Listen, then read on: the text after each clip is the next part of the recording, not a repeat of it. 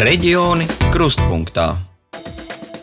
Mūsu kaimiņu valstī Krievijai kļūstot arvien agresīvākai, arī Latvijā domāts kā krīzes situācijām, arī kara apstākļiem jau laikus sagatavot ne tikai militāru personas, bet arī dažādas institūcijas un iedzīvotājus, kā viņi varētu palīdzēt gan valstī, gan organizēt savu darbu. Tāpēc 2019. gada janvārī ministru kabinetā tika izskatīts un atbalstīts aizsardzības ministrijas informatīvais ziņojums par visaptverošas valsts aizsardzības sistēmas ieviešanu Latvijā. Latvijā. Mani sauc Ieva Benefeld, un šajā raidījumā reģiona kruspunktā skaidrošu, kā sokas ar šīs sistēmas ieviešanu.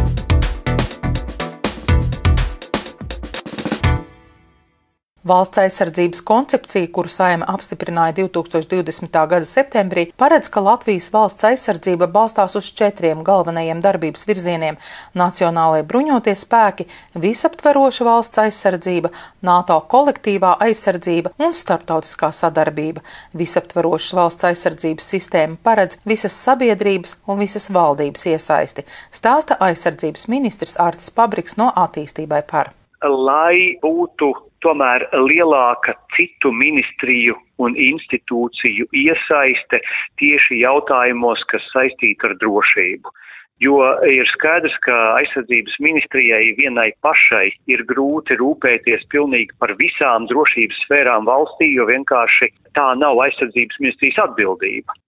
Un tas nozīmē, ka vajadzētu dot kaut kādu padomu, jo parasti, nu, piemēram, pārējās ministrijas vai pašvaldības jau nav ikdienā ar tādu piegājienu, kas liktu domāt par uh, civilo aizsardzību, kas liktu domāt par uh, evakuāciju, kas liktu domāt par pirmās palīdzības sniegšanu, kas liktu domāt par dažādu veidu patvēršanu būvniecību. Tad mūsu uzdevums bija veicināt šo izpratni. Nacionālās aizsardzības akadēmijas drošības un strateģiskās pētniecības centra vadošā pētniece Ieva Bērziņa uzsver, ka šobrīd apdraudējuma daudzveidība pārkāpj tikai militāro jomu, kara darbībā tiek izmantota virkne nemilitāru sfēru piemēram, enerģētika, to mēs ļoti uzskatām. Tagad redzam, kā Krievija izmanto šo instrumentu, pārtraucot piegādes un cenšoties radīt kaut kādu neapmierinātību rietumvalstu sabiedrībās, lai, nu, panāktu kaut kādu sev vēlamu to attieksmi. Nu, piemēram, jā, un, un faktiski tās mūsdienu kara darbības iezīme ir tā, ka jebkura cilvēciskās darbības sfēra, finanšu, ekonomika, kultūra, izglītība, un tā mēs varam turpināt droši vien, ka to var izmantot naidīgu politisku un militāru mērķu sasniegšanai. Tāpēc tam skatījumam ir jābūt plašāk. Pēc 2014. gada, kad jau notika šis te asākais pagrieziens un Krievija pretlikumīgi anektēja Krimu un arī uzsāka kara darbību dienvidu austrumu Ukrēnā, tad bija skaidrs, ka, nu, ir arī šie te ā, militārie riski un ka tās ir, ir šīs aizsardzības spējas ir jāpaplašina. Un tad šī te visaptarošā valsts aizsardzība ir viens no tiem risinājumiem, kā stiprināt savas pašaizsardzības spējas. Turies, turies, tiem iedosim arī padzerties, viss būs kārtībā. Viena no jomām, kur aktīvi notikušas mācības par rīcību krīzes situācijā, ir militārās jomas speciālistiem sadarbojoties ar civilajām struktūrām vai nevalstiskajām organizācijām.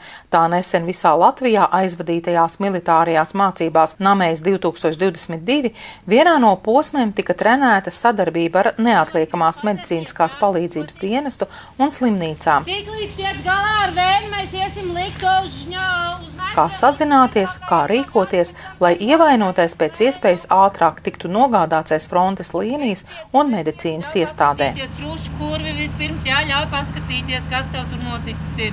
Imitētā kaujas laukā daudz ievainoto, katram kāda cita trauma, piemēram, paļēju lūzumi vai norauta roka. Un, uh, velkam nost uzkabītī, paskatāmies, kas ir mugurā. Arī Zemesardzes 4. kurzemes brigādes medicīnas rotai šīs bija vienas no pirmajām mācībām, kurās iziets viss cikls. Vispirms saskarsme un palīdzība cietušajiem tieši kaujas laukā, pēc tam viņa nogādāšana drošākā vietā, specializētās teltīs, kur iespējams sniegt pirmā līmeņa neatliekamo medicīnisko palīdzību.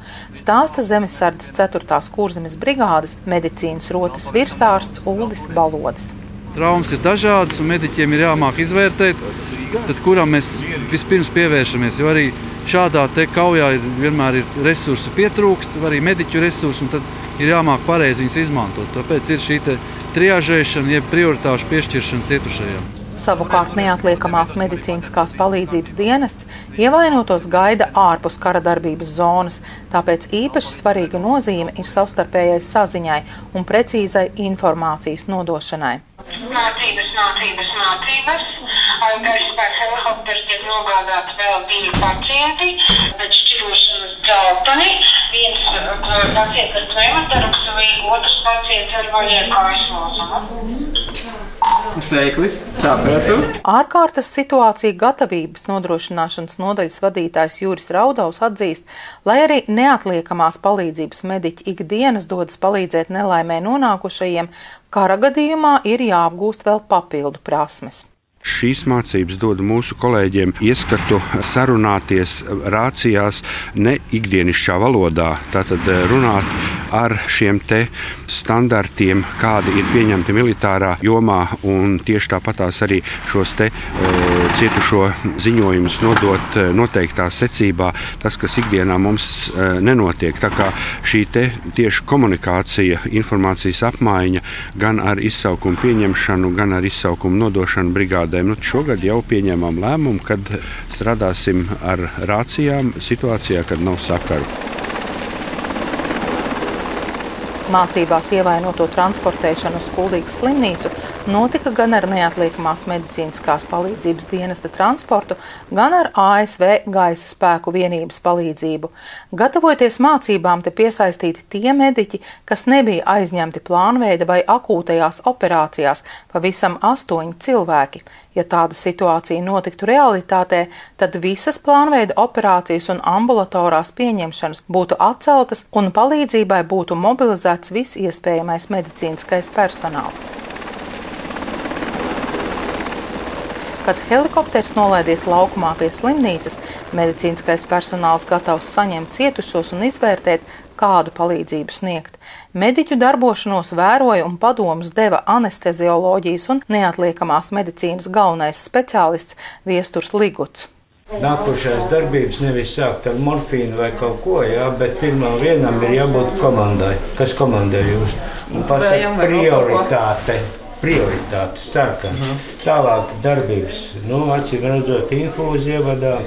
Pretsāpju līdzekļi imobilizēti. Kultīgas slimnīcas galvenais ārsts Edgars Siliņš atzina, ka šāda veida mācības ir nozīmīgas un svarīgas. Personālam klājās labi, personāls tiek galā. Protams, ir kļūdas, bet, ja to nemācās, netrenējās, tad arī neko uzlabot nevaram. Ģenerāla majors apvienotā štāba priekšnieks Imants Ziediņš stāsta. Latvijas gadījumā Ja mēs runājam konkrēti par medicīnu, tad šis ir teiksim, visaptvarošs valsts aizsardzības koncepts, kad ir lietas, ko dara karavīri uz vietas laukā, bet mūsu civilajām slimnīcām un neatliekamai medicīniskajai palīdzībai būs jāiesaistās šo palīdzības sniegšanā. Un, protams, ja šī sistēma ir sakārtota un un strādā, tad arī karavīram, protams, ir morālā pārliecība par to, ka viņu nepametīs kaujas laukā, bet, ja arī viņš būs cietis, tad viņu izglābs, sniegs medicīnisko palīdzību un izglābs viņa dzīvību.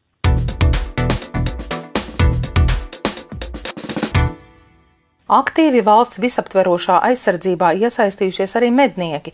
Latvijas mednieku savienība, pamatojoties uz to, ka tas ir vērienīgs resurs, kas var palīdzēt valstī, Tie ir ap 22 tūkstošiem cilvēku, kuriem ir ap 57 tūkstošiem medību ieroču, jau 2017. gadā ar aizsardzības ministriju noslēdz vienošanos par sadarbību, galvenokārt trenējot tālšaušanu ādažu poligonā. Tomēr karš Ukrainā parādīja, ka nepieciešams apgūt vairāk militāro iemaņu, tāpēc arī mednieki jūlijā aizvadīja pirmās mācības, kurās apguva gan medicīnu, gan militārās iemaņas, stāsta Latvijas Mednieku savienības valdes loceklis Jānis Zandbergs. Tas darbs no mūsu puses, kā no Mednieku savienības puses, eh, ir īstenot sadarbībā ar Zemesardzi šo sadarbības formu, ka cilvēki, kas ir mednieki, ka viņi var iesaistīties zemesardzē, kā atbalstītāji, iesniedzot attiecīgas formas iesniegumu. Viņi tiek pārbaudīti, viņi tiek, nu, kā lai pasakā, iekļauti sarakstos, un viņiem regulāri tiek sūtīta informācija par šādu, tiks sūtīta informācija par šādu veidu nodarbībām arī nākotnē.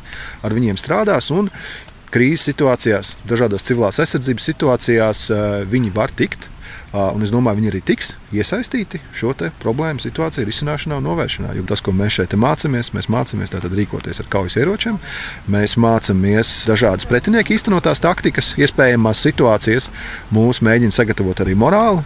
Aizsardzības ministrs Ārtis Pabriks atzīst, ka ir rīkots arī mācības, kas nav saistītas tieši ar militāro jomu bet vai nu galda izspēles, vai teorētiskas, vai ar dažādu praktisku piesitienu, bez militārās nozares iesaistas, bet tieši vai nu pašvaldībām, vai uzņēmējiem, vai arī iesaistot nevalstiskās organizācijas, vai arī atsevišķām ministrijām, sākot ar veselības ministriju un beidzot, piemēram, ar satiksmes ministriju. Visaptveroša valsts aizsardzības sistēma un iedzīvotāja aizsardzība kara gadījumā nav jaunievedums. Tā Latvijā bijusi kopš valsts proklamēšanas. Tad galvenais informācijas informācijas veids bija laikraksti, apziņošanā izmantots arī radio, bet lielākajās pilsētās bija uzstādītas sirēnas un skaļruņi. Norisinājās arī dažādas mācības, kurās pārbaudīja gan apziņošanas sistēmu, gan tika imitētas dažādas kara situācijas. Visaptverošā valsts aizsardzībā bija iesaistīta arī pašmāju rūpniecība. Nacionālās aizsardzības akadēmijas drošības un strateģiskās pētniecības centra vadošajai pētniecei Ievai Bērziņai vaicāju, Kā tad dažādas profesijas var iesaistīties šai sistēmā, piemēram, žurnālisti? Mūsdienu kara darbībā to īstenībā arī izdala kā atsevišķu kara darbības dimensiju ir informācija. Starp karojošām pusēm notiek šī te narratīvu cīņa ļoti lielā mērā, un, un, un to kara darbības iznākumu nosaka arī tas, kurš spēj gūt uzvaru pār sabiedrisko domu. Un, un žurnālistiem ir ļoti liela loma, un tā tas, cik arī ir viena no tām, tām būtiskām sfērām tīri nu, īstenot šo te strateģisko komunikāciju. Nu, mēs varam skatīt fakt, faktiski pavaramies, ja tajā, kas notiek Ukrainā, un tur mēs visus šos piemērus redzam, ka tāpat brīvprātīgie gan gatavo šo te ēdienu, gan tāpat kādam ir jārūpējās, jāpieskata bērni kaut vai evakuējoties, uzturēt to tās visas sabiedrībā nepieciešamās funkcijas arī karadarbības apstākļos. Tas ir būtiski un tur faktiski loma ir gandrīz jebkuram.